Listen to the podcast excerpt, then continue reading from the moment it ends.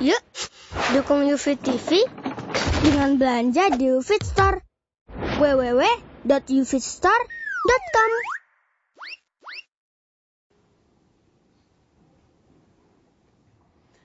Alhamdulillah wassalatu wassalam ala Rasulillah wa ala alihi wa sahbihi wa man tabi'ahum bi ihsanin ila yaumidin amma ba'd.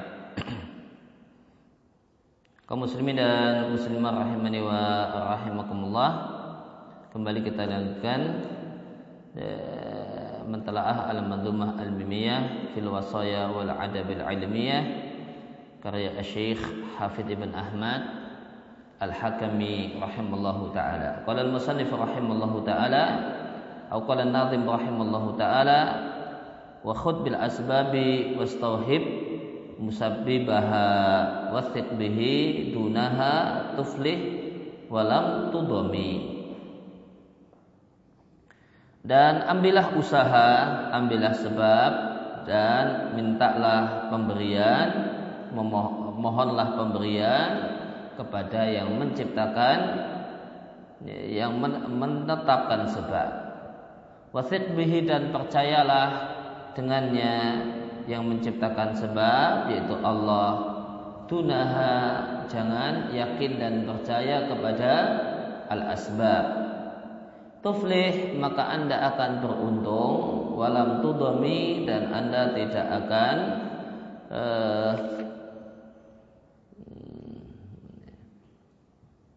Ad-daim dari kata-kata ad-daim artinya al-zulmu. Dan Anda tidak dizalimi. Penjelasannya Bashir asbab kerjakanlah sebab lakukanlah usaha waf'alha lakukanlah. Sebab-sebab ya, sebab-sebab syar'i. Itulah melakukan ibadah dan ketaatan yang Anda diperintah untuk mengerjakannya supaya Anda mendapatkan ridha Allah Azza wa Jal. Demikian juga sebab-sebab duniawi yang Anda mendapatkan dengannya perkara penghidupan Anda dalam rangka mencari rezeki, wasa'yan dan dalam rangka berusaha fil mubah dalam hal-hal yang mubah Ya, maka di sini dijelaskan bahwasanya sebab yang dimaksudkan oleh An-Nazim itu mencakup dua jenis sebab. Sebab-sebab syar'i yaitu sebab untuk mendapatkan ridha Allah dan sebab untuk mendapatkan ridha Allah adalah berbagai macam jenis ibadah dan ketaatan. Kemudian sebab-sebab duniawi supaya dapat duit, dapat penghasilan, ya, dapat uang. Ini sebab-sebab duniawi dengan melakukan hal-hal yang mubah. Akan tetapi latak tamit janganlah engkau mengandalkan usaha. Namun mintalah kepada yang menetapkan sebab agar memberikan kepadamu dan berikan anugerah kepadamu serta melimpahkan nikmat kepadamu. Jangan mengandalkan usaha dan jangan cenderung kepadanya. Dan manusia dalam masalah ini terbagi menjadi tiga macam. Macam yang pertama adalah orang yang memadukan antara melakukan usaha dan tawakal kepada Allah Jalla wa Ala. Ya, yang ini sebagaimana terdapat dalam perkataan An-Nazim penyusun magdumah wa khud bil asbabi wastauhib musabbibaha. Dan Allah Azza wa Jalla memerintahkan hambanya untuk melakukan hal ini. Memerintahkan hambanya untuk melakukan hal ini. Menggabungkan antara sibuk dengan usaha dan bertawakal. Dan Rasulnya Shallallahu Alaihi Wasallam pun memerintahkan mereka untuk melakukan hal itu. Dan terdapat banyak ayat dan hadis yang berisi perintah menggabungkan dua hal ini yaitu melakukan usaha dan bertawakal dan menggantungkan hati kepada Allah ya, dan menggantungkan hati kepada Allah. Semacam firman Allah taala iyyaka na'budu wa iyyaka nasta'in. Iyyaka na'budu ini usaha usaha untuk mendapatkan ridha Allah Subhanahu wa taala. Namun wa iyyaka nasta'in tawakalnya kepada Allah Fa'buduhu wa tawakkal alaih. Sembahlah dia dan bertawakal dan bertawakallah kepadanya. Ini semakna dengan ia karena na'budu wa karena nasta'in. Demikian juga firman Allah di surat Hud, tidaklah aku menginginkan kecuali perbaikan semaksimal yang bisa aku lakukan dan tidaklah taufik bagiku aku dan tidaklah taufikku kecuali dengan Allah hanya kepadanya aku bertawakal dan hanya kepadanya aku kembali.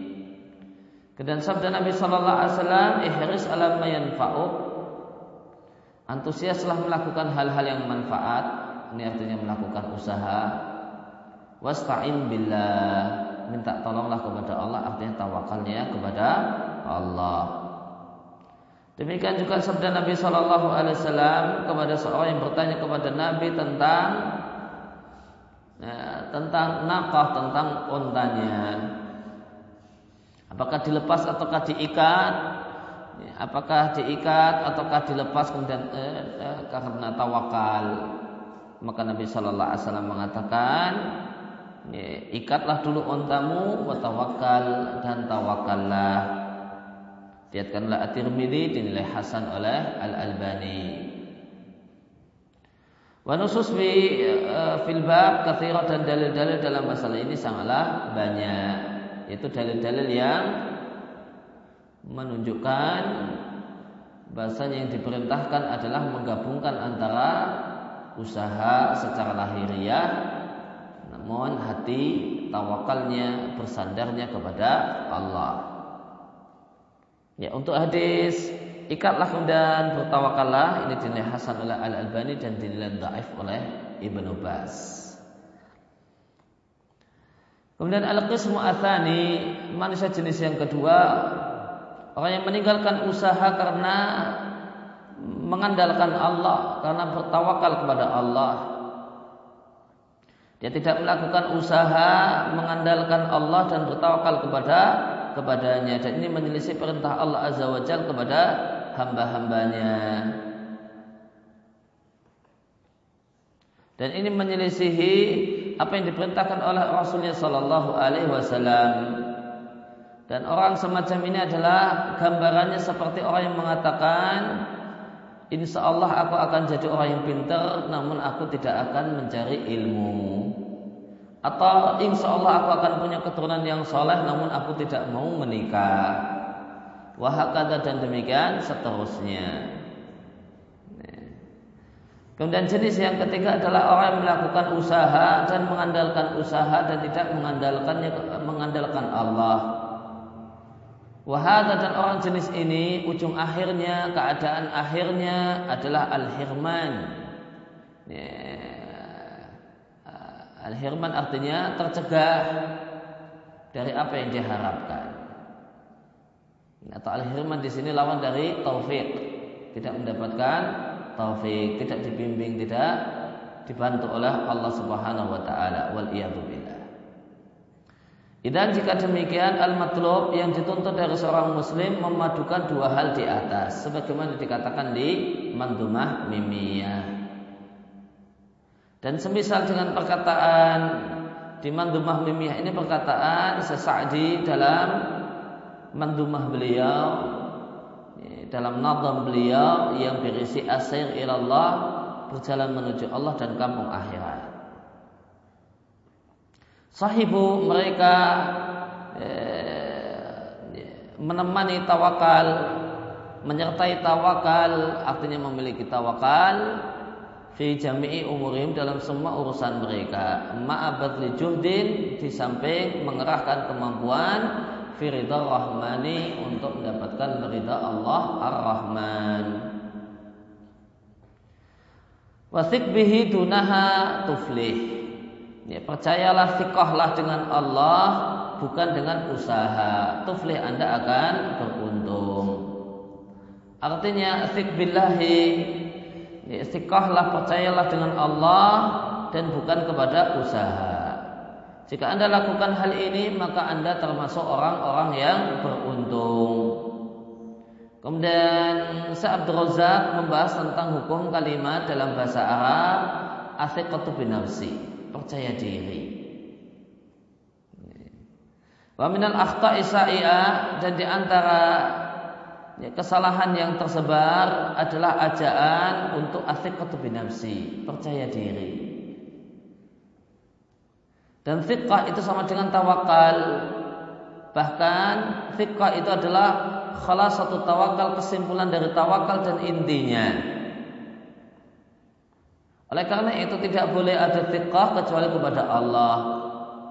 Dan dalam doa yang ma'thur disebutkan Allahumma ya Allah hanya kepada rahmatmu aku berharap, eh, aku berharap fala takilni maka janganlah engkau serahkan aku kepada diriku sendiri meskipun hanya sekejap mata. Dan ya Allah perbaikilah untukku segala urusanku. La ilaha illa anta.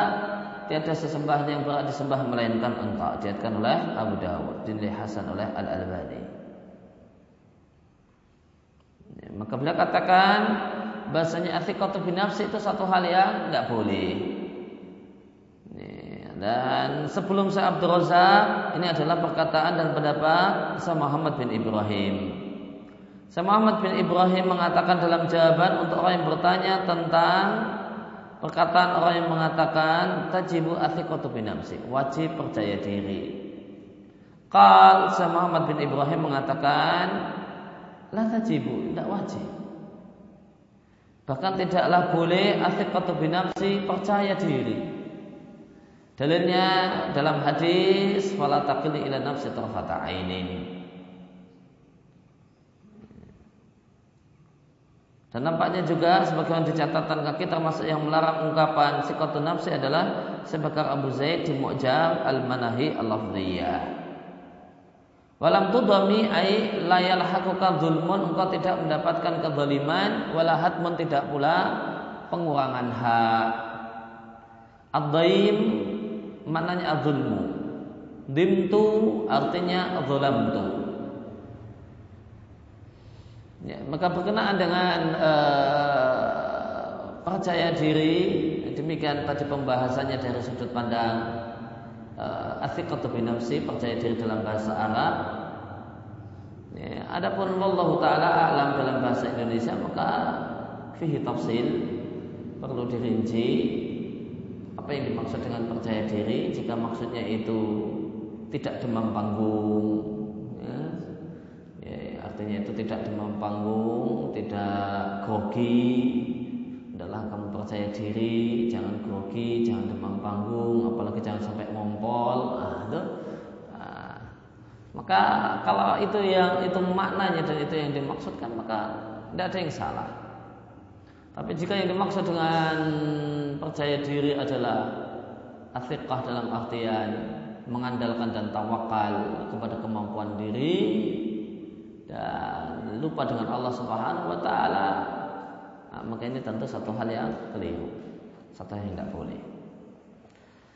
Dan kalau Nadim rahimallahu taala bisyar izin kula amrin mahamam tabihi dengan syariat timbanglah semua perkara yang engkau berniat untuk melakukannya. Fa in bada salihan jika nampak itu satu hal yang saleh dan baik akdim melangkahlah. Wala tajimi dalam dan jangan mundur. Melangkahlah, kerjakanlah dan jangan mundur. Artinya jika Anda ingin untuk tukdim melangkah untuk melakukan satu aktivitas, maka awal matabda bihi poin pertama yang engkau mulai adalah timbanglah perkara tersebut dengan syariat. Ta'riduhu timbanglah dengan dalil dan nas yaitu Al-Quran dan Sunnah Nabi-Nya Sallallahu Alaihi Wasallam. Jika ternyata perbuatan tersebut didukung oleh syariat, silahkan kerjakan. Jika perbuatan tersebut menyelisih syariat, tinggalkanlah. Wala tajim, tajim e, di lisanul Arab dari kata-kata wajama yajimu, masdarnya ada dua, wajman wujuman. Maknanya adalah as-sukut ala ghaidin. Diam padahal dalam keadaan marah besar. Tidak marah-marah Al-wajib adalah orang yang sangat sedih sampai-sampai dia tidak berbicara. Amsaka anil kalam. Dia tidak kuasa untuk uh, untuk berbicara karena demikian sedihnya. Dan boleh jadi makna yang dimaksudkan dalam perkataan an-nadhim wala tajimi eh, itu jangan mundur, artinya akdim. Melangkahlah, waf'al, kerjakanlah, jangan diam dan jangan tertawakaf diam. Kemudian kalau Nadim rahimallahu taala akhlishu murnikan dan ikhlaskanlah amalmu. Wastuk dan tuluslah asib. Maka engkau kemudian melakukan tindakan yang tepat.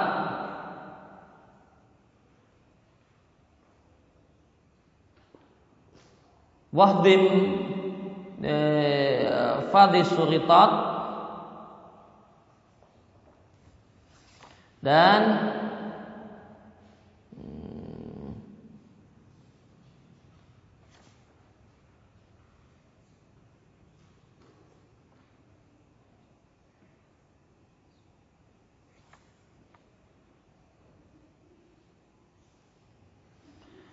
Wahdim dan hancurkanlah Artinya jangan ujub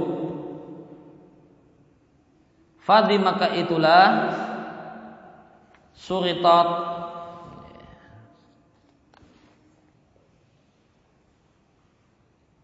yang disyaratkan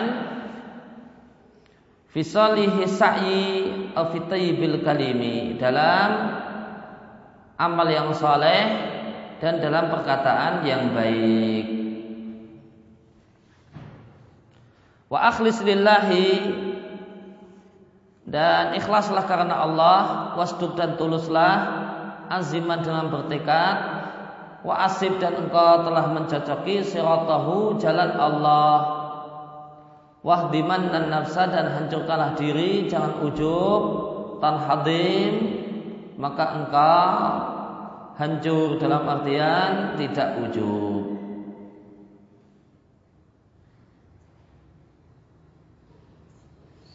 Ya, penjelasannya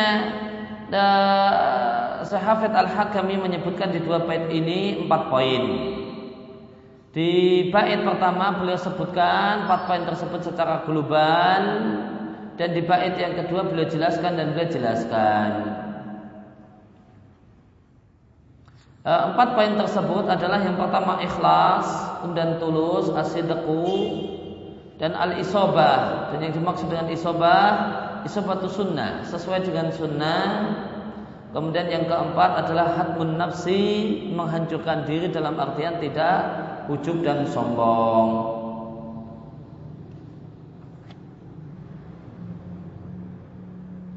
Ya beliau katakan empat poin ini hendaklah anda komitmen dengannya dan hendaklah anda menjaganya. Karena empat poin hal ini adalah satu hal yang diperintahkan dari anda dalam berbagai macam amal soleh yang Anda kerjakan. Dan satu hal yang diperintahkan dalam segala perkataan yang baik. Maka semua amal soleh yang Anda kerjakan, semua perkataan baik yang Anda katakan, hafid fihi. Maka jagalah dan penuhilah padanya empat poin di atas. Maka hendaklah ketika Anda melakukan amal salah atau berkata dengan perkataan yang bernilai pahala dan kebaikan, ikhlas. Wal takun fihi sadiqan. Dan adalah Anda orang yang jujur dan benar di dalamnya.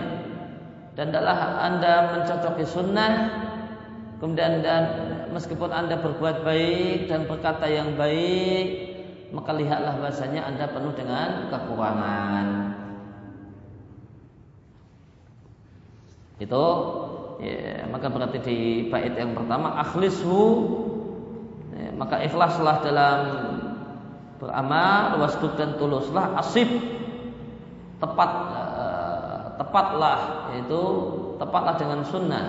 Wahdim hancurkanlah dirimu jangan sombong. Fadhi maka itu suritat disyaratkan dalam semua amal soleh dan perkataan yang baik Kemudian beliau menjelaskan empat poin di atas dengan beliau katakan di bait yang kedua akhlishu lillah. Ikhlaslah hanya semata untuk Allah. Artinya, artinya jadikanlah amal tersebut ikhlas karena Allah dan khalis maknanya adalah sesuatu yang jernih, wanaki dan bersih yang tidaklah diinginkan dengannya kecuali wajah Allah. Sebagaimana firman Allah Azza wa Jal, "Fada'ullaha mukhlishina lahuddin." Beribadalah dan berdoalah kepada Allah dengan memurnikan ibadah hanya untuk Allah. Din maknanya adalah ibadah. Dan tidaklah mereka diperintahkan kecuali supaya mereka menyembah Allah mukhlishina lahuddin dengan memurnikan ibadah hanya untuk Allah. Din di sini maknanya ibadah. Hunafa menjadi orang-orang yang cenderung pada pada tauhid dan kebaikan. Menegakkan salat, membayar zakat itulah agama yang lurus. Wasduk aziman dan tuluslah dalam bertekad. Eh, nah, apa beda asidik dengan ikhlas? Sidak atau ketulusan adalah tauhidul iradah. Fokusnya keinginan. Keinginannya fokus pada satu hal, tidak bercabang. Maka keinginannya iradah tauhid tidak bercabang. Cuma pada satu hal saja. Sedangkan ikhlas tauhidul murad tidak bercabangnya hal yang diinginkan. Tentu ada keinginan dan ada hal yang diinginkan. Kalau keinginannya itu tidak double, keinginannya cuma satu, itu sidak. Hal yang diinginkan itu tidak bercabang, cuma satu, nah itu ikhlas. Sebagaimana perkataan Ibnu Qayyim dalam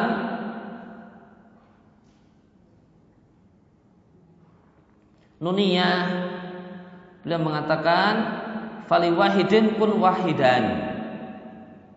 Fi wahidin a'ni sabilal haqqi wal imani. Falil wahidin maka untuk zat yang esa zat yang tunggal yaitu Allah kun wahidan. Jadilah engkau orang yang orang yang sendiri. Maksudnya di sini adalah tauhidul iradah maka adalah engkau berkeinginan hanya keinginanmu hanya tertuju kepada Allah. Fi wahidin dan hanya di satu jalan. Akni sabilal haqqi wal iman. Satu jalan itu adalah jalan kebenaran dan jalan iman.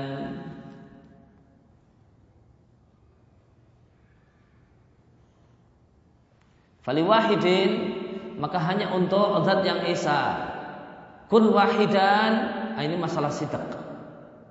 Kun wahidan adalah engkau ya, kun wahidan. Jadi uh, menjadi satu hal yang tunggal dalam pengertian punya keinginan yang tunggal tertuju kepada Allah.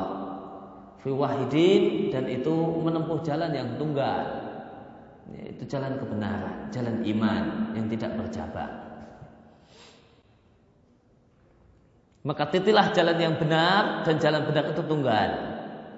Untuk menuju zat yang tunggal itulah Allah Subhanahu wa taala. Dan titilah jalan tersebut dengan eh, dengan keinginan yang tunggal dan tidak bercabang. Keinginannya cuma untuk Allah tidak pada yang lain.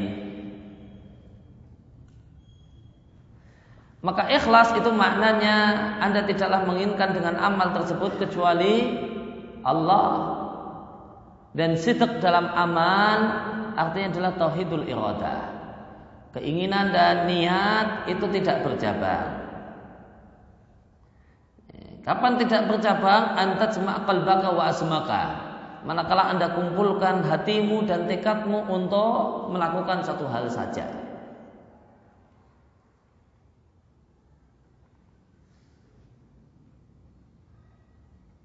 Sebagaimana yang dikatakan oleh An-Nadim, wasduk aziman maka sidak ya, itu susah sebenarnya kalau diterjemahkan. Ya, sidqun dalam bahasa Arab itu bisa sidkun fil qaul. Kalau sidkun fil qaul itu artinya jujur apa adanya. Kemudian ada sidkun finiyah. Nah ini yang dibahas. Sidkun finiyah, fokus. Fokus, hatinya terkumpul, di, dikerahkan pada satu titik. Itu sidkun finiyah. Ini terjemahnya tidak jujur lagi kan ya. Atau niat yang jujur, bisa diterjemahkan niat yang jujur. Memahamkan Nanti kemudian ada sitkon fil a'mal. Sitkon dalam perbuatan dan aktivitas. Itu keselarasan antara perbuatan dengan ucapan. Ayo sholat, orangnya sholat. Yuk ke masjid dan orangnya ke masjid. Itu sitkon fil a'mal.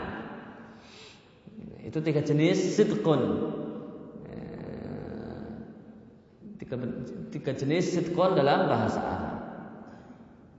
Ini kalau sitkun itu sendiri, kalau yang diinginkan tiga-tiganya, nah, susah itu menerjemahkannya. Ketika sudah diinginkannya itu maksudnya tiga-tiganya. Ya sitkun fil qaul, sitkun fil niyah, fil a'mal. Nah, itu repot menerjemahkannya. Ini gimana menerjemahkannya? Karena terjemahnya ya, ya, tidak bisa kemudian satu kata kemudian mewakili tiga-tiganya. Ya, kalau di sini jelas wastuk aziman, maka ini sitkun finiyah. Sitkun finiyah, bukan sitkun fil qaul, bukan sitkun fil a'mal. Maka sidqlah dalam niat. Niatnya jangan bercabang, konsentrasi, fokus pada satu hal.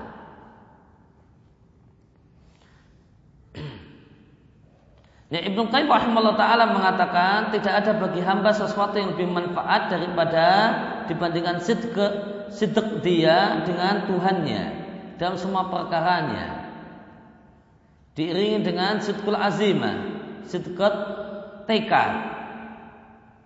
Fayasduku maka eh, dia adalah seorang yang tulus atau jujur dalam tekadnya dan dalam perbuatannya.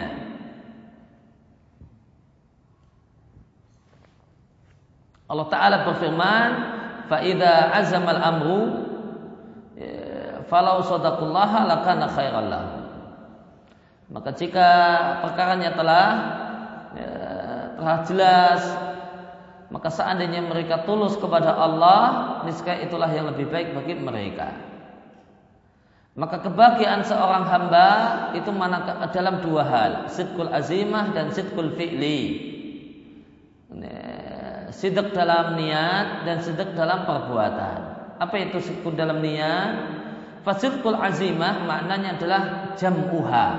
Dia kumpulkan niatnya, wajasmuha, dia tegaskan niatnya, wa ada mutaraddud dan tidak bimbang. Tidak maju mundur. Namun madep mantep mau begini. Nah, itu sidqun sidqul azimah. Bal takunu bahkan azimah. Dia adalah tekad yang tidak ya subuha, tidak bercampur taradudun bimbang. Wala talawumun tidak pula ya, plin plan atau talawum. Talawum itu dari kata-kata la mayalumu mencela. Ya, talawum di sini maknanya mau melangkah habis itu kemudian hatinya mencela. Jangan melangkah. Akhirnya mundur mundur pun hatinya mencela. Kamu kok mundur? Ayo maju. Ah, talawum, talawum. Hatinya bimbang. Mau maju disalahkan sama hati sendiri. Mundur disalahkan.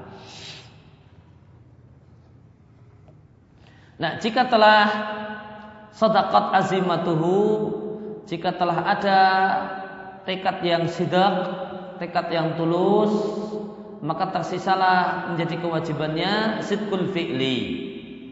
Ya, apa itu sitkul fi'li? Istifrahul wus'ai, mencurahkan seluruh tenaga, memberikan segala kemampuan untuk melakukan satu aktivitas. Walayatakhalaf anhu bisyai'in dan dalam aktivitas tersebut tidak ada satupun yang tertinggal. Zahirnya dan batinnya semuanya tertumpah padanya maka azim maka azimatul qasdi maka tekad yang kuat akan menghalanginya dari lemahnya keinginan dan niat. Sedangkan sidqul fi'li menghalanginya dari malas dan loyo. Dan siapa yang sodakallaha tulus dengan Allah dalam dua hal perkara di atas, dalam niat dan perbuatan, ya, dalam semua perkaranya, sana Allahu lahu ma yasna'u li ghairihi. Maka Allah Subhanahu wa taala akan memberikan untuknya lebih dari apa yang Allah berikan untuk yang lain.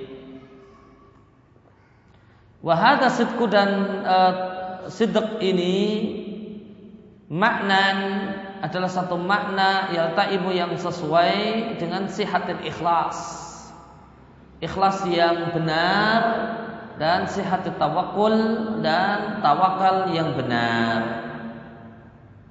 Fa'asdaqun nas maka manusia yang paling sidq terhadap Allah adalah orang yang soha ikhlasuhu yang benar ikhlasnya dan benar tawakalnya.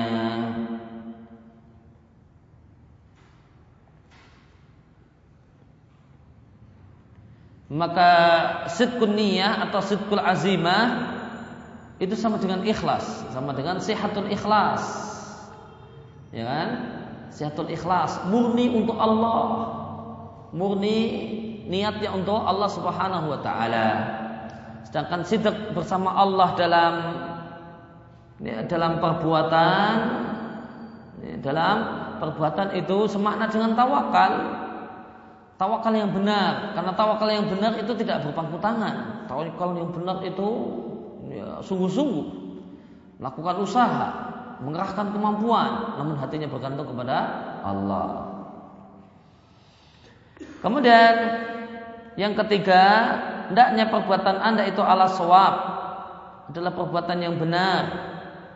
Sebagaimana perkataan Fudel bin Iyad ketika menjelaskan firman Allah Ta'ala liyabluwakum ayyukum ahsanu amala untuk menguji kalian siapa di antara kalian yang paling bagus dalam beramal Al-Fudel bin Iyad mengatakan artinya ya, akhlasuhu wa aswabuhu amal yang paling paling benar adalah yang paling murni dan paling amal yang paling bagus adalah amal yang paling murni dan yang paling benar karena jika amal itu murni namun tidak benar tidak diterima. Jika benar namun tidak murni tidak diterima. Baru diterima setelah khalison sawaban, murni dan benar. Ini dimaksud murni idza kana lillah, jika hanya semata-mata karena Allah dan sawab idza kana ala sunnah jika sesuai dengan sunnah. Ya, perkataan Al-Fudail ibn Iyad ini bisa kita jumpai di Hilyatul Auliya. Kemudian hatmun nafsi, artinya janganlah engkau ujub dengan dirimu sendiri. Mahma bagaimanapun tuqaddim engkau telah melakukan berbagai macam amal dan taat. Ya, mahma meskipun telah nampak bagimu bahasanya Anda telah mewujudkan pada amal tersebut keikhlasan dan sidak. Namun hancurkanlah dirimu dan tuduhlah dirimu bitaksir tidak sempurna. Wa ila fa innal insan yusabu bil ujbi. Karena jika tidak demikian, manusia itu akan tertimpa ujub dan bahasa lainnya adalah hurur, tertipu dengan amalnya sendiri. Maka fatakun amaluh maka amalnya itu sedikit dan dia pun taksir tidak sempurna dalam amal yang sedikit tersebut. Namun di waktu yang sama dia kagum dengan dirinya dan dengan amalnya. Ya, tentang hal ini tentang masalah jangan ujub diperjelas lagi oleh An-Nadhim rahimallahu taala dengan perkataannya la tu'jabanna bihi yuhbat wala tarahu fi janibi dzanbi wa taksiri wan ni'ami. Janganlah engkau ujub dengan amal, yuhbat maka amal akan dihapus. Wala tarahu dan janganlah engkau melihat Ya, engkau telah beramal, telah melihat, merasa punya amal ya, dibandingkan dengan fijanib dengan sisi yang lain engkau penuh dosa, wataksir tidak sempurna dalam beramal, wa ni'ami dan nikmat-nikmat Allah Ta'ala. Berlimpahnya nikmat Allah Ta'ala kepadamu. Artinya janganlah engkau ujub dengan amal dengan amalmu mahma bagaimanapun engkau telah melakukan kau lakukan min amalin berbagai macam amal meskipun kau adalah orang yang rajin sholat puasa menuntut ilmu hafal Quran dan amal-amal sholat yang lain jangan ujub dan telah lewat peringatan dari penulis bahaya ujub dan bahasanya ujub itu menyapu bersih pahala amal yuhbat maka amal itu akan dihapus. Karena ujub itu yajtarif, menyapu bersih pahala amal, membatalkannya dan menghapusnya. Kemudian ayat tarahu sayan. Janganlah engkau anggap amalmu itu punya nilai sedikit pun. Fijani bidanbi dengan melihat banyaknya dosa-dosamu. Artinya jika anda terkagum-kagum dengan satu amal salah yang anda kerjakan, maka ingatlah dosa-dosamu yang telah engkau kerjakan. Hada awalan.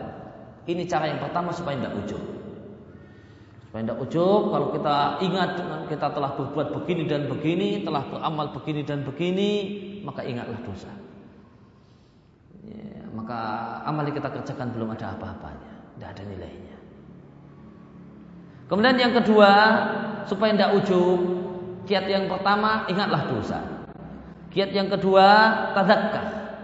Ingatlah bahasanya Anda itu mukosir, tidak sempurna dalam melakukan kewajiban. Sholatnya itu banyak mikirkan ke mana-mana, pikirannya jalan-jalan. Ya. Ya. Maka ingatlah bahasanya sholatnya belum sempurna, puasanya belum sempurna. Pas puasa masih mata jelalatan lihat cewek ini dan itu. Ya maka masa itu boleh jadi hapus pahalanya. Atau seandainya tersisa tinggal sedikit saja. Maka ingatlah bahasanya anda mukosir tidak sempurna dalam beramal. Ya, sampai-sampai dalam amal yang anda pun kagum dengannya. Liannaka karena anda meskipun anda berupaya untuk menyempurnakan amal dan menyempurnakannya maka amal tersebut tidaklah selamat dari ataksir ya, tidaklah selamat dari ketidaksempurnaan.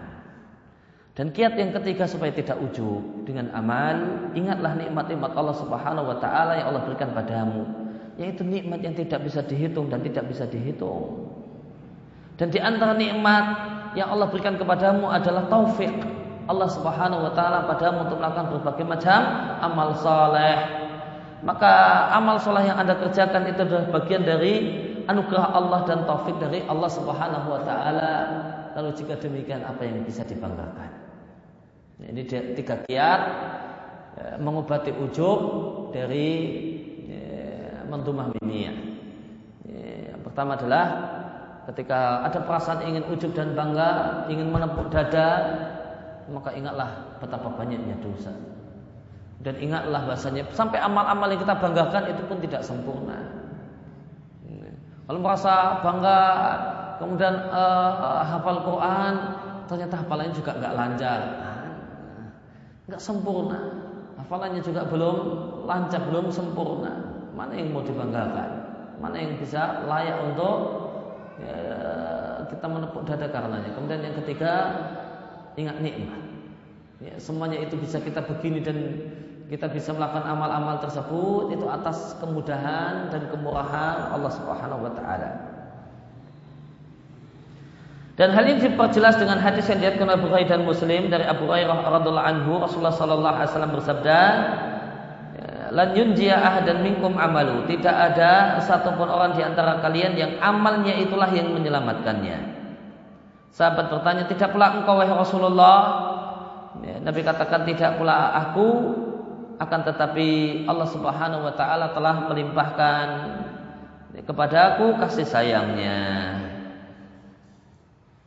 Maka beliau salatullah wasallamu alaihi adalah manusia yang paling merasa takut kepada Allah dan paling sempurna ibadahnya kepada Allah Subhanahu wa taala.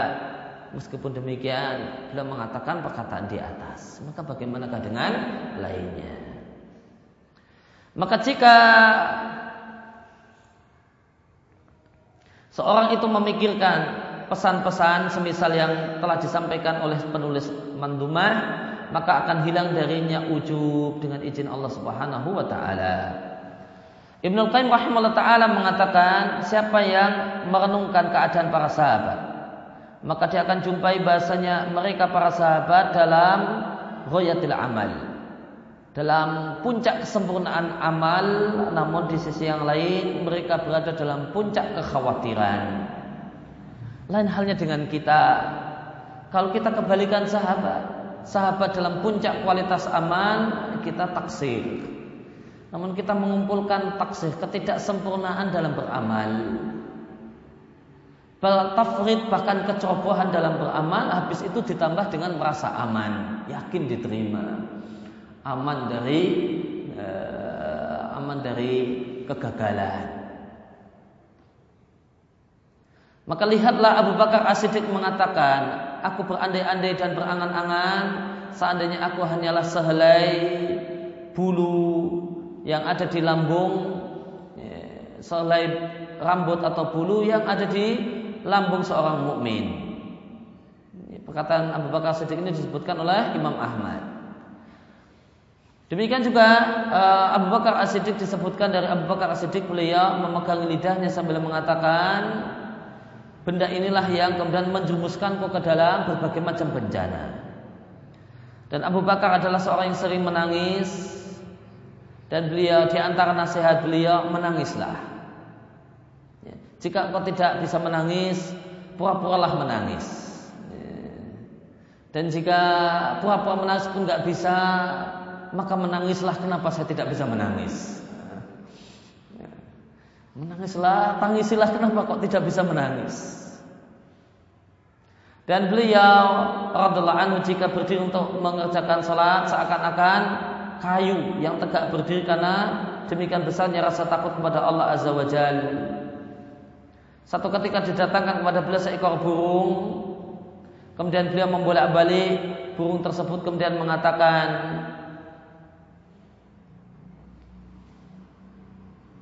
Masih min saidin tidaklah uh, tertangkap satu binatang buruan wala kutiat min sajaratin dan tidak ada pohon yang terpotong ila bima doyati min tasbih kecuali gara-gara engkau wahai Abu Bakar yang ceroboh yang menelantarkan minat tasbih ibadah ya, tasbih dan ibadah Ya, maka nampaknya itu adalah e, burung itu adalah burung buruan. Maka beliau sebagai khalifah, sebagai penguasa mengatakan bahasanya manusia sampai berburu dan sebagainya itu gara-gara penguasanya tidak ya, tidak sempurna dalam beribadah ya, sehingga menjadi sebab tidak makmurnya rakyat sampai ada pohon yang terpotong ada sampai burung yang harus jadi sasaran ya, karena tidak bisa mensejahterakan uh, rakyatnya dan dan orang-orang yang dipimpin. Walamah dirotat kala ihtidar, ihtidar itu sakaratul maut. Ya, Abu Bakar berkata kepada anaknya Aisyah, wahai anak perempuanku, wahai putriku, aku mendapatkan harta kaum muslimin berupa ya, abaah ini, jubah ini. Wahadal halak demikian juga binatang yang memberikan susu boleh jadi uh, sapi perah atau unta perah atau kambing perah. Wahadal abad dan budak. Fa'asri ibihi maka cepatlah bawa benda-benda ini kepada Ibnu Khattab ya, sebagai khalifah yang baru. Maka Abu Bakar mengatakan saya mendapatkan fasilitas e, negara dari harta kaum muslimin tiga benda. Jubah yang kupakai, ini baju dinas. Ya. Ini baju dinas.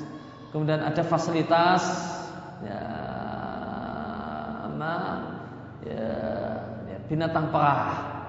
Ya, yang ini binatang perah ini milik negara.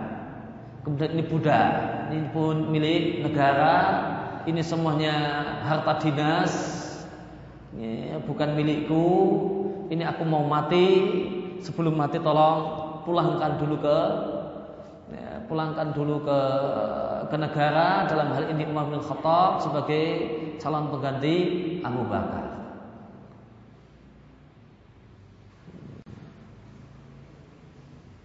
Yang padahal kemudian seandainya beliau e, memilikinya, ya, maka ya, itu pun sudah layak sebagai gajinya, sebagai imbalan atas pekerjaannya, atas jerih payah beliau.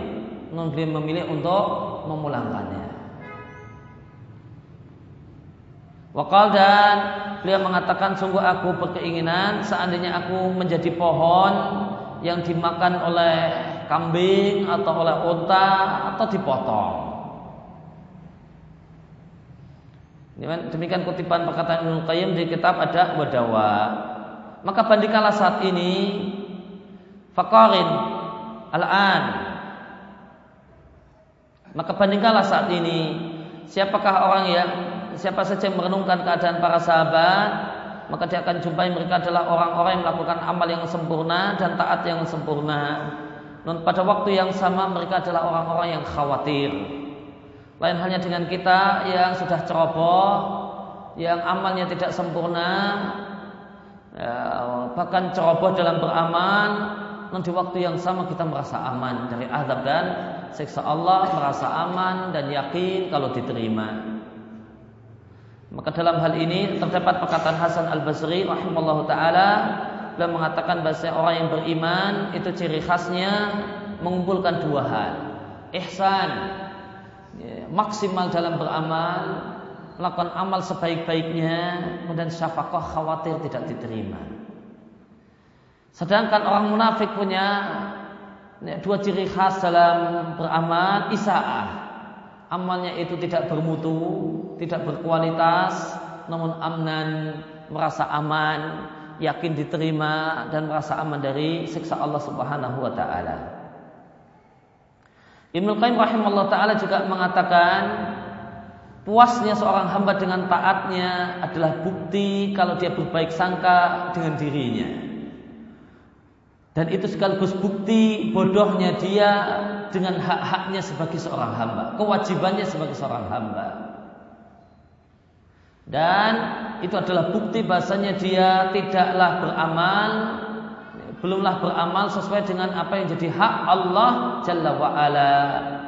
Dan dia belum melakukan amal yang cocok ya, sebagai muamalah dia dengan Allah Subhanahu wa taala. Interaksi dia dengan Allah Wahasilu dalika intinya ketika orang itu puas dengan amal ibadah dan amal solehnya, intinya hal tersebut terjadi. Ya, anak jahla binafsihi maka ketidaktahuannya tentang dirinya, sifat dirinya, penyakit-penyakit dirinya, kemudian aib, ya, sisi negatif dari amalnya, kebodohannya tentang Tuhannya dan hak-hak Tuhannya, dan apa yang sepatutnya dia berikan kepada Tuhannya itu semua ya yatawalladu minhuma maka muncullah dan lahirlah dari keduanya puas dengan ketaatan. Ya, saya sudah maksimal dalam sholat, saya sudah maksimal dalam beribadah. Nah, ini muncul karena dua hal ini. Pertama tidak tahu diri sendiri dan tidak mengetahui hak-hak Allah Subhanahu wa taala. Inilah yang kemudian menyebabkan dia berbaik sangka dengan dirinya. Jika orang itu puas dengan amal plus berbaik sangka dengan diri akan muncul darinya ujub. Akan muncul darinya ujub, sombong. Wal afat dan berbagai macam penyakit mau akbar minal kabair ad-dhahirah. Yang dia penyakit tersebut, yang ujub dan sombong tersebut tidaklah kalah lebih besar, tidak kalah mahwa akbar, tidaklah kalah lebih besar daripada dosa-dosa besar yang kelihatan. Itu zina, minum khamar, lari dari medan perang dan semacamnya. Dan merasa puas dengan taat yang dilakukan itu adalah ru'una, kebodohan diri dan kedunguannya. Wa arbabul azaim wal basair dan orang yang punya tekad luar biasa dalam beramal wal basair dan orang yang punya basirah mengerti Allah Subhanahu wa taala dengan benar asadum mayakun istighfar. Mereka itu malah lebih kencang lebih sungguh-sungguh istighfarnya setelah selesai taat. Setelah selesai melakukan ketaatan begitu selesai istighfarnya lebih dahsyat. Kenapa? Disuhudihim taksirahum fiha karena dia lihat sendiri bahasanya dia taksir dalam amalnya. Tidak sempurna dalam beramal. Bahasanya dia belumlah memberikan untuk Allah apa yang layak bagi kemuliaan dan kebesaran Allah. Intaha wallahu musta'an. Ya, maka di sini ya, Ibnu Qayyim menjelaskan tentang sebab orang ujub. Sebab orang ujub. Diawali dari orang itu tidak tahu kualitas dirinya dan tidak menyadari betapa besar hak-hak Tuhannya. Maka dari dua hal ini lahirlah ya, lahirlah merasa puas dengan amal, merasa telah maksimal dalam beramal, merasa telah ikhlas dalam beramal, dan dan berbaik sangka dengan diri sendiri. Dua hal ini menghasilkan dua hal. Puas dengan amalnya, maka dua hal tidak mengetahui siapakah dirinya dan tidak mengetahui hak-hak Tuhannya, apa yang wajib dia berikan untuk Tuhannya melahirkan dua hal. Puas dengan amal, puas dengan amal yang telah dilakukan, kemudian berbaik sangka dengan diri sendiri. Kemudian dua hal ini melahirkan ujub dan sombong. Dan kata Ibnu Qayyim ujub dan sombong itu tidak kalah besar dosanya dibandingkan dosa besar yang kelihatan zina dan yang lainnya. Wallahu musta'an. Kemudian kala Nabi rahimallahu taala wahai kana minan nahi dan semua larangan istanibuhu jawilah. Wa in zalalta dan jika engkau tergelincir melakukan larangan tuk minhu bertobatlah darinya wastaghfir ma'an nadami dan beristighfarlah mohonlah ampun dengan penuh penyesalan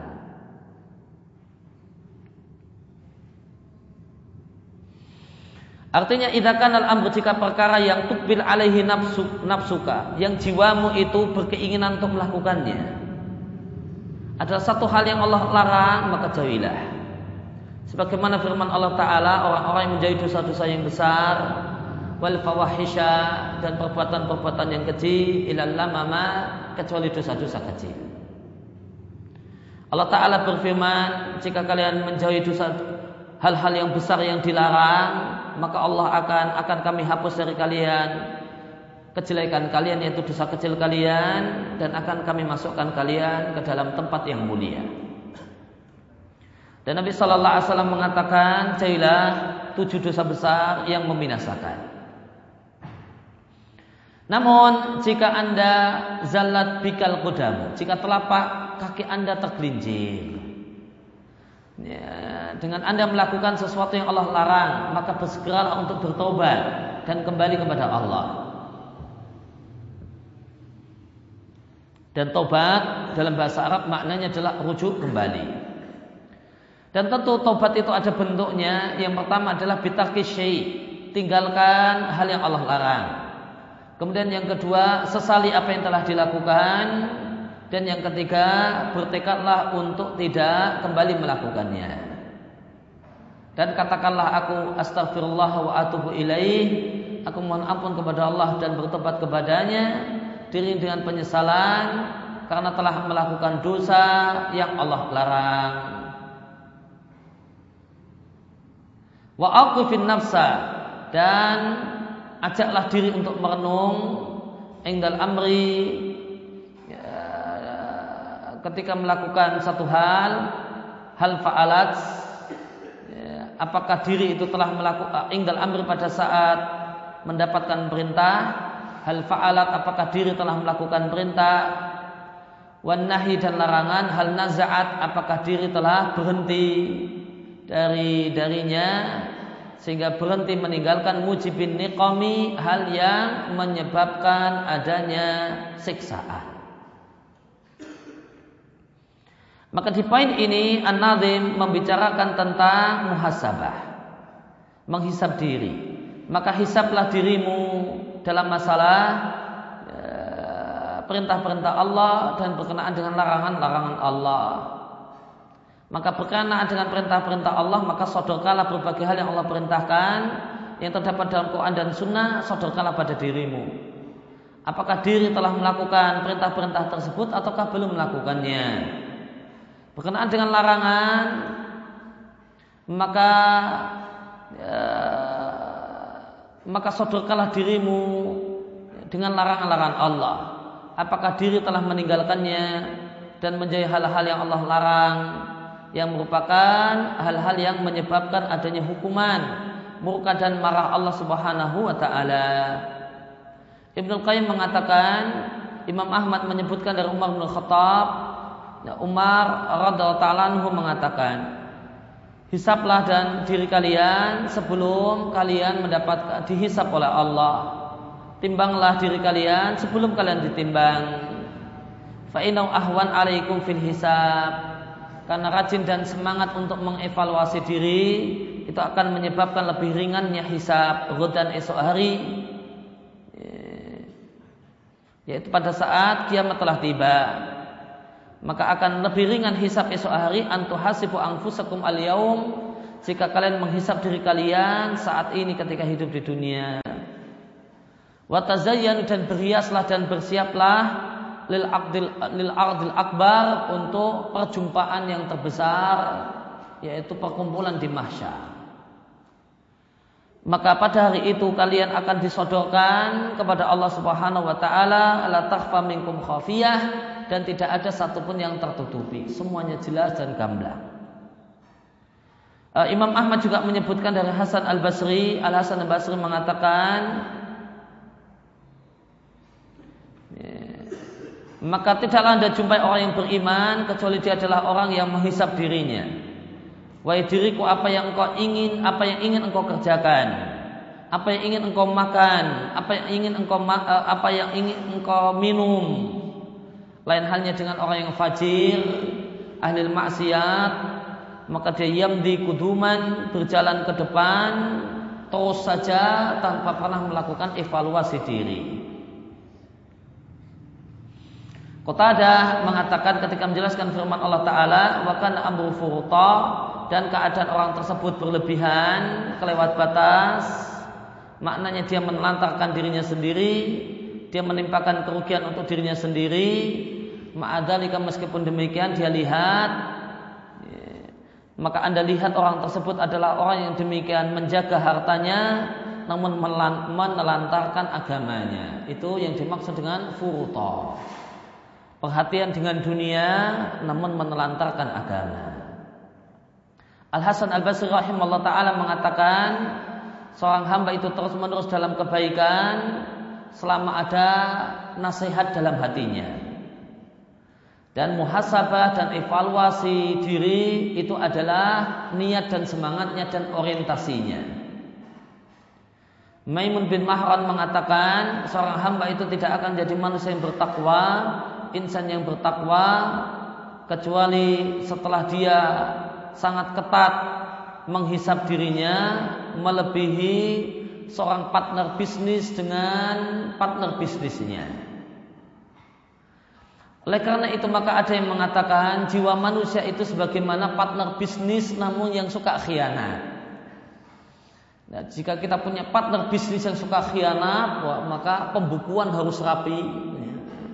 Kita akan nuntut dia agar bikin pembukuan yang rapi dan kita akan melakukan pengecekan secara rutin dan periodik supaya tidak ada kesempatan dia untuk berkhianat. Maka jiwa manusia itu bagikan partner bisnis yang suka khianat. Ilam tuhasibhu jika anda tidaklah ya, melakukan perhitungan, pengecekan, maka dhahaba malika partner bisnis tersebut akan kabur membawa hartamu. Dan harta termahal manusia adalah agamanya dan takwanya.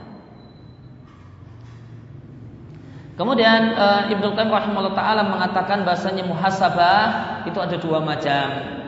Macam yang pertama adalah muhasabah sebelum beramal dan muhasabah setelah beramal. Muhasabah sebelum beramal adalah merenung saat awal niat dan awal keinginan dan tidak langsung bersegera beramal hatta kecuali setelah jelas lebih baik beramal daripada tidak beramal. Al Hasan Al Basri mengatakan semoga Allah menimpakan rahmatnya kepada seorang hamba yang merenung saat dia punya niat. Jika dia lihat karena lillah, niatnya karena Allah, maka dia lanjut. Jika ternyata niatnya bukan karena jika untuk selain Allah, maka dia mundur. Itu uh, muhasabah sebelum beramal. Muhasabah masalah niat. Karena Allah ataukah bukan? Kemudian muhasabah setelah selesai beramal itu ada tiga poin yang dibahas yang pertama dia hisab, dia eh, memperhitungkan dirinya ala taatin atas ketaatan yang dia ceroboh di dalamnya. Yang dia tidak sempurna dalam amal tersebut menunaikan hak Allah. Maka dia tidak kerjakan amal tersebut dalam bentuk yang seharusnya. Maka dia hisap dirinya dan dia akan berkesimpulan bahasanya dia taksir dia itu ceroboh dan belum maksimal uh, dalam beramal dan menunaikan hak Allah Subhanahu wa taala. Hadi.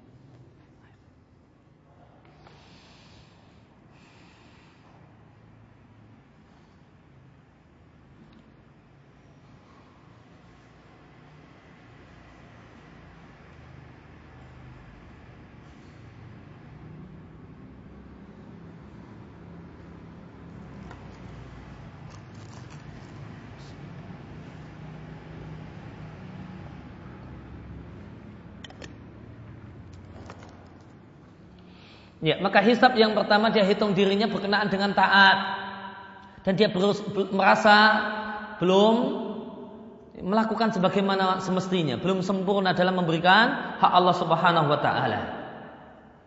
Nah, apa hak Allah Subhanahu wa taala dalam amal taat dan hak Allah Subhanahu wa taala dalam amal taat yang kita kerjakan ada enam.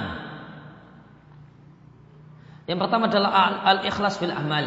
Ikhlas karena Allah Subhanahu wa taala. Kemudian yang kedua an-nasihah. Menginginkan yang menginginkan yang terbaik yang disodorkan dan diserahkan kepada Allah. Ingin menginginkan agar amal itu adalah amal yang terbaik yang dia serahkan kepada Allah Subhanahu wa taala, yang dia persembahkan kepada Allah. Kemudian ittiba Rasul. Kemudian yang keempat, suhud masyhadul ihsan fihi. Dia melakukan amal tersebut dengan ihsan, merasa Allah Subhanahu wa taala mengawasinya. Dia merasa seakan-akan melihat Allah Subhanahu wa taala atau minimal dia dengan seyakin-yakinnya bahasanya Allah mengawasi dirinya. Kemudian yang kelima, sudu minnah Allah minatillah alaihi. Dia merasa bahasanya bisa beramal ini adalah anugerah Allah. Bukan karena dirinya, bukan karena kemampuannya, namun semata-mata kemudahan dari Allah Subhanahu wa taala. Kemudian yang kali keenam, meskipun dia telah menunaikan lima hal di atas, wajib uh, maka dia wajib untuk merasa taksir dalam itu semua. Merasa taksir dalam itu semua. Itibaknya kurang sempurna, ikhlasnya kurang ikhlas. Ya, muraqabahnya merasa diawasi oleh Allah itu belum maksimal. Ya. Semuanya dia merasa belum maksimal. Itu enam hak Allah Subhanahu wa taala dalam setiap amal taat, amal ibadah yang kita kerjakan. Maka berkenaan dengan hisab ketika kita melakukan evaluasi amal taat, maka kita hisab diri kita. Apakah kita telah wafa menunaikan enam poin di atas? Haknya semuanya. Kita baru saja selesai sholat, maka kita hisab sholat kita. Apakah dalam sholat yang kita kerjakan telah kita berikan enam hak Allah Subhanahu Wa Taala di atas? Ataukah belum? Hal atabiha apakah dia telah datangkan dia telah kerjakan enam poin hal di atas fi hadhi ta'ah dalam ketaatan yang baru saja dia kerjakan. Kemudian dia hisap dirinya atas segala perbuatan, segala amal yang meninggalkannya itu lebih baik daripada mengerjakannya. Ternyata setelah dia lakukan dia menyesal. Ini ini kurang afdol, ada yang lebih afdol yang harusnya saya kerjakan. Maka hendaklah dia evaluasi dirinya. Kemudian yang ketiga, hendaklah dia hisap dirinya atas perkara mubah atau mu'tad, perkara rutinitas ke, ke, keseharian. Dia hisap kenapa dia melakukannya? Apakah dia inginkan dengan amal tersebut Allah dan kampung akhirat sehingga dia menjadi orang yang beruntung? Ataukah dia inginkan dengan hal tersebut semata-mata dunia dan yang segera yaitu dunia? Maka maka dia kerugian karena dia rugi karena kehilangan keuntungan. Dan karena dia kehilangan adzafar, berhasil mendapatkan keuntungan. Maka ada juga hisab setelah selesai beramal yaitu amal-amal harian. Habis kerja pulang kerja maka adalah dia hisap dirinya. Ini saya punya rutinitas. Berangkat kerja berangkat pagi pulang sore. Ini niat kerjanya. Ya, melaksanakan perintah Allah atau sekedar, sekedar cari duit. Ya. apakah sekedar cari duit? Maka jika ternyata oh kok sekedar cari duit? Ah ini maka saya orang yang merugi kalau, kalau saya kerja ini pasang niat yang benar, melaksanakan perintah Allah untuk cari nafkah dan yang lain, ya, maka mudah-mudahan ini satu hal yang bernilai di sisi Allah.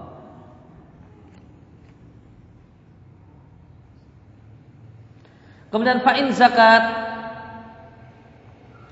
maka jika telah suci diri tersebut ya, setelah dilakukan evaluasi hasilnya hati kita merasa bahasanya diri kita adalah diri yang telah cukup baik. Fahmadil maula maka pujilah Allah yang telah mensucikan diri kita. Wa nikmatallahi dan pujilah Allah, pujilah nikmat Allah bisukrani dengan bersyukur. Fastadimi maka nikmat itu akan langgeng. Maka jika setelah kita melakukan evaluasi diri, kita merasa inzakati nafsuka. Kita merasa bahasanya diri itu telah cukup baik karena telah berhias dengan berbagai macam fadail, hal-hal yang unggul dan telah bersih dari hal-hal yang jelek, maka pujilah Allah. Karena Allah Subhanahu wa taala yang memuliakan Anda dan berikan anugerah kepada Anda. Allah melimpahkan anugerah kepada diri Anda bitohara dengan kesucian, kesucian, wanaka, suci, wasofa, jernih. Sebagaimana firman Allah Ta'ala, Balila yuzaki mayasya. Allah Subhanahu Wa Ta'ala mensucikan siapa saja yang dia kehendaki. Allah Ta'ala berfirman seandainya bukan karena anugerah Allah kepada kalian dan kasih sayang Allah, mazaka minkum min ahadin abada. Maka tidak ada orang yang baik satupun. Seandainya bukan karena anugerah Allah dan kasih sayang Allah, tidak ada orang yang baik. Orang itu orang baik, ada manusia-manusia baik semata-mata anugerah Allah. Seandainya bukan karena kemurahan Allah, manusia itu bejat semua. Karena musuhnya iblis, makhluk yang super berpengalaman. Yang telah kemudian jam terbangnya sangat tinggi untuk menyesatkan manusia. Dari Adam sampai manusia sekarang ya, maka kita tidak bisa kita bayangkan kemampuannya yang betul-betul sempurna ya, dalam masalah menyesatkan manusia. Jika demikian, adakah orang yang selamat dari iblis? Tidak. Ya, kalau kemudian uh, melawan iblis, sosok yang kemudian jam terbang untuk menyesatkan manusia ini sudah tak terhitung jamnya, nggak tahu berapa ribu jam dan berapa juta jam atau bahkan miliar jam. Jam terbang yang sangat luar biasa pengalaman yang luar biasa. Tidak ada manusia yang selamat dari godaan iblis. Kok ada yang bisa selamat? Semata-mata anugerah Allah Subhanahu wa taala. Kok bisa kemudian selamat dari iblis yang demikian ya, berpengalaman? Ya, maka itu semata-mata anugerah Allah Subhanahu wa taala. Maka seandainya bukan karena anugerah Allah dan kasih sayangnya, tidak ada satupun dari kalian yang jadi orang yang baik. Walakin Allah yuzaki mayasya, non Allah mensucikan dan menjadikan orang baik siapa saja yang Allah kehendaki. Wallahu sami'un alim. Allah adalah yang maha mendengar lagi maha mengetahui. Dalam doa yang berasal dari Nabi, Nabi mengajar kita berdoa, Allahumma ati nafsi taqwa. Ya Allah berikanlah kepada jiwaku takwanya. Wa zakkiha anta khair man zakkaha. Bersihkanlah jiwaku, engkau adalah sebaik-baik yang membersihkannya. Anta waliyuha wa maulaha. Engkau adalah wali untuk diriku dan pelindungnya. Nah, uh, kalau kemudian wala ala boleh jadi penulis nazam memilih nama al-maula tadi wahmadil maula dalam bait ini untuk mencocoki doa ini anta waliyuha wa maulaha. Wa fawzul abdi bihadal matlab dan beruntungnya seorang hamba dengan mendapatkan hal ini adalah di antara wilayatullah al khasa kewalian Allah yang bersifat khusus untuk dirinya. Ya, maka kewalian Allah Subhanahu wa taala ya, wali Allah untuk hamba itu ada dua macam. Wali dalam makna umum dengan Allah Subhanahu wa taala memelihara ya, semua makhluknya dengan nikmat-nikmatnya dan ada wali bimakna khas itulah kewalian Allah untuk orang-orang yang beriman dengan memberikan kepada mereka kesucian hati, semangat untuk taat dan yang lain. Dan wilayah al-khassah adalah makna dari anta waliyuha. Ya Allah, engkau adalah wali atas diriku ini diri orang-orang yang beriman. Maka ini wali wilayah khasah, bukan wilayah kewalian yang bersifat umum. Dan eh, nikmat Allah Subhanahu wa taala syukurilah maka akan langgeng nikmat tersebut. Maka adalah Anda orang yang terus-menerus bersyukur kepada Allah Subhanahu wa taala atas nikmat-nikmatnya. Allah taala berfirman menceritakan Sulaiman Sulaiman mengatakan, wahai Rabbku, ya, Rabbi auzi'ni an ashkura, ya Allah, ya, bila aku kekuatan untuk bersyukur, mensyukuri nikmat-nikmatmu yang telah engkau berikan kepadaku dan kepada kedua orang tuaku. Karena nikmat Allah untuk orang tua adalah nikmat Allah untuk anaknya. Yang dimaksud dengan istadimi artinya dawimi syukrallahi ala ni'amihi. Oh, bukan fastadimi maka akan langgenglah nikmat umon fastadimi maka terus terus meneruslah engkau bersyukur. Artinya dawim syukrallahi. Terus meneruslah bersyukur kepada Allah Subhanahu wa taala atas nikmat-nikmatnya. Dan nikmat Allah yang paling besar adalah hidayah sehingga mengenal agama ini dan taufik untuk bersihnya hati dan baiknya jiwa dan istiqomah untuk taat kepada Allah Subhanahu wa taala dan terus menerus syukur akan menyebabkan awetnya langgengnya nikmat. Sebagaimana firman Allah taala, "Wa in ta'adzana rabbukum" dan ingatlah ketika Tuhanmu memberikan pengumuman, jika kalian bersyukur, akan aku tambahkan nikmat kepada kalian. Fasuku ma'hul mazitu abada. Kalau bersyukur, maka menyertai syukur al-mazid tambahan nikmat. Abadan dan ini selamanya. Walidha qil oleh karena itu maka ada ungkapan yang mengatakan Famata lam taro halaka fi mazidin. Maka jika engkau lihat dirimu tidak dalam tambahan nikmat fastaqbili syukra maka sambutlah syukur maka bersyukurlah Kenapa tidak ada tambahan nikmat? Berarti syukurnya kurang. Ini, karena siapa yang betul-betul bersyukur, maka Allah Subhanahu wa taala akan memberikan tambahan dan tambahan untuk dirinya.